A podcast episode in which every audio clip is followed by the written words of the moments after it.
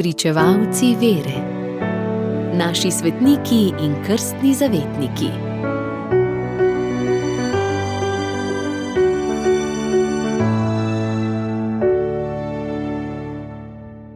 Danes zgoduje sveta Hozana Kotorska, samotarka iz 16. stoletja.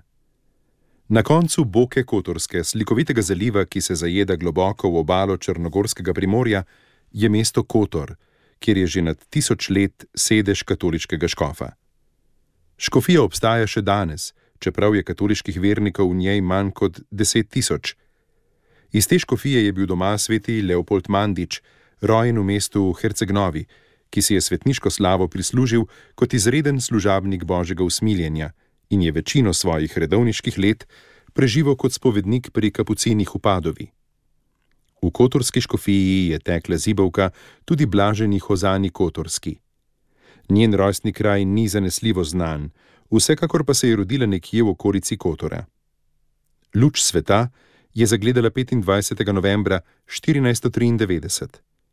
Starši so bili pravoslavne vere in pri krstu so ji dali ime Kata, Katarina. Tako starši kot sosedje so občudovali bistroumnost, nedolžno veselost, blago srce in očrljivo prijaznost te deklice. Bila je pesniško nadarjena in je na paši najraje prepevala pesmi, ki jih je sama zlagala: o cvetkah, o nebu in soncu, najraje pa o ljubem dobrem Bogu. Mati ji je pripovedovala, da Bog, ki je postal človek in je več kot 30 let živel na zemlji, še naprej živi med nami pod podobo kruha. Poslej Kata ni nehala nadlegovati svoje mame, Pokaži mi, kje je dom ljubega Boga, da ga poiščem in bom srečna ob njem. Mati je morala pokazati crkva v Kotoru, Kato pa je minilo veselje do paše. Od tlej je hotela biti v bližini tabernaklja. Ko je bilo 14 let, so ji domači dovolili, da se je preselila v Kotor. Osem let je živela pri mestnem svetovalcu kot sluškinja. Znala je prijeti za vsako delo, svojo živahno pesmijo je napolnila vso hišo.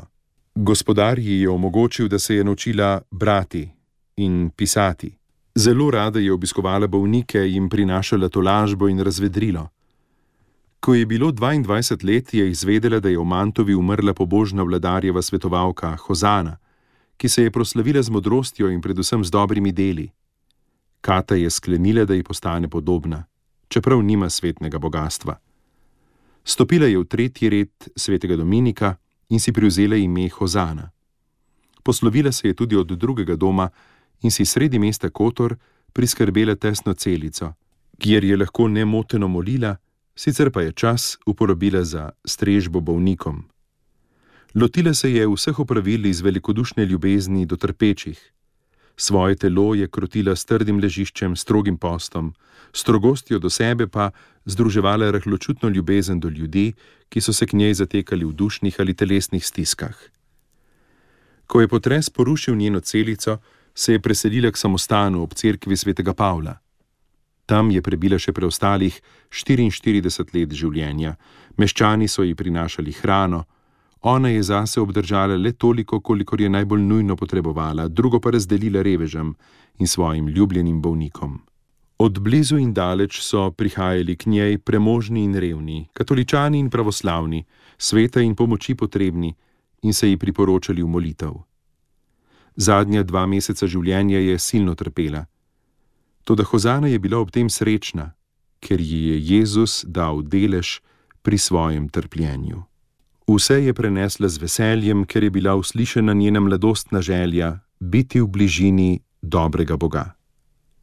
Njeno nestrohnjeno telo počiva v stekleni krsti na stranskem oltarju Marine cerkve v Kotoru. Radio Ognišče, vaš duhovni sopotnik.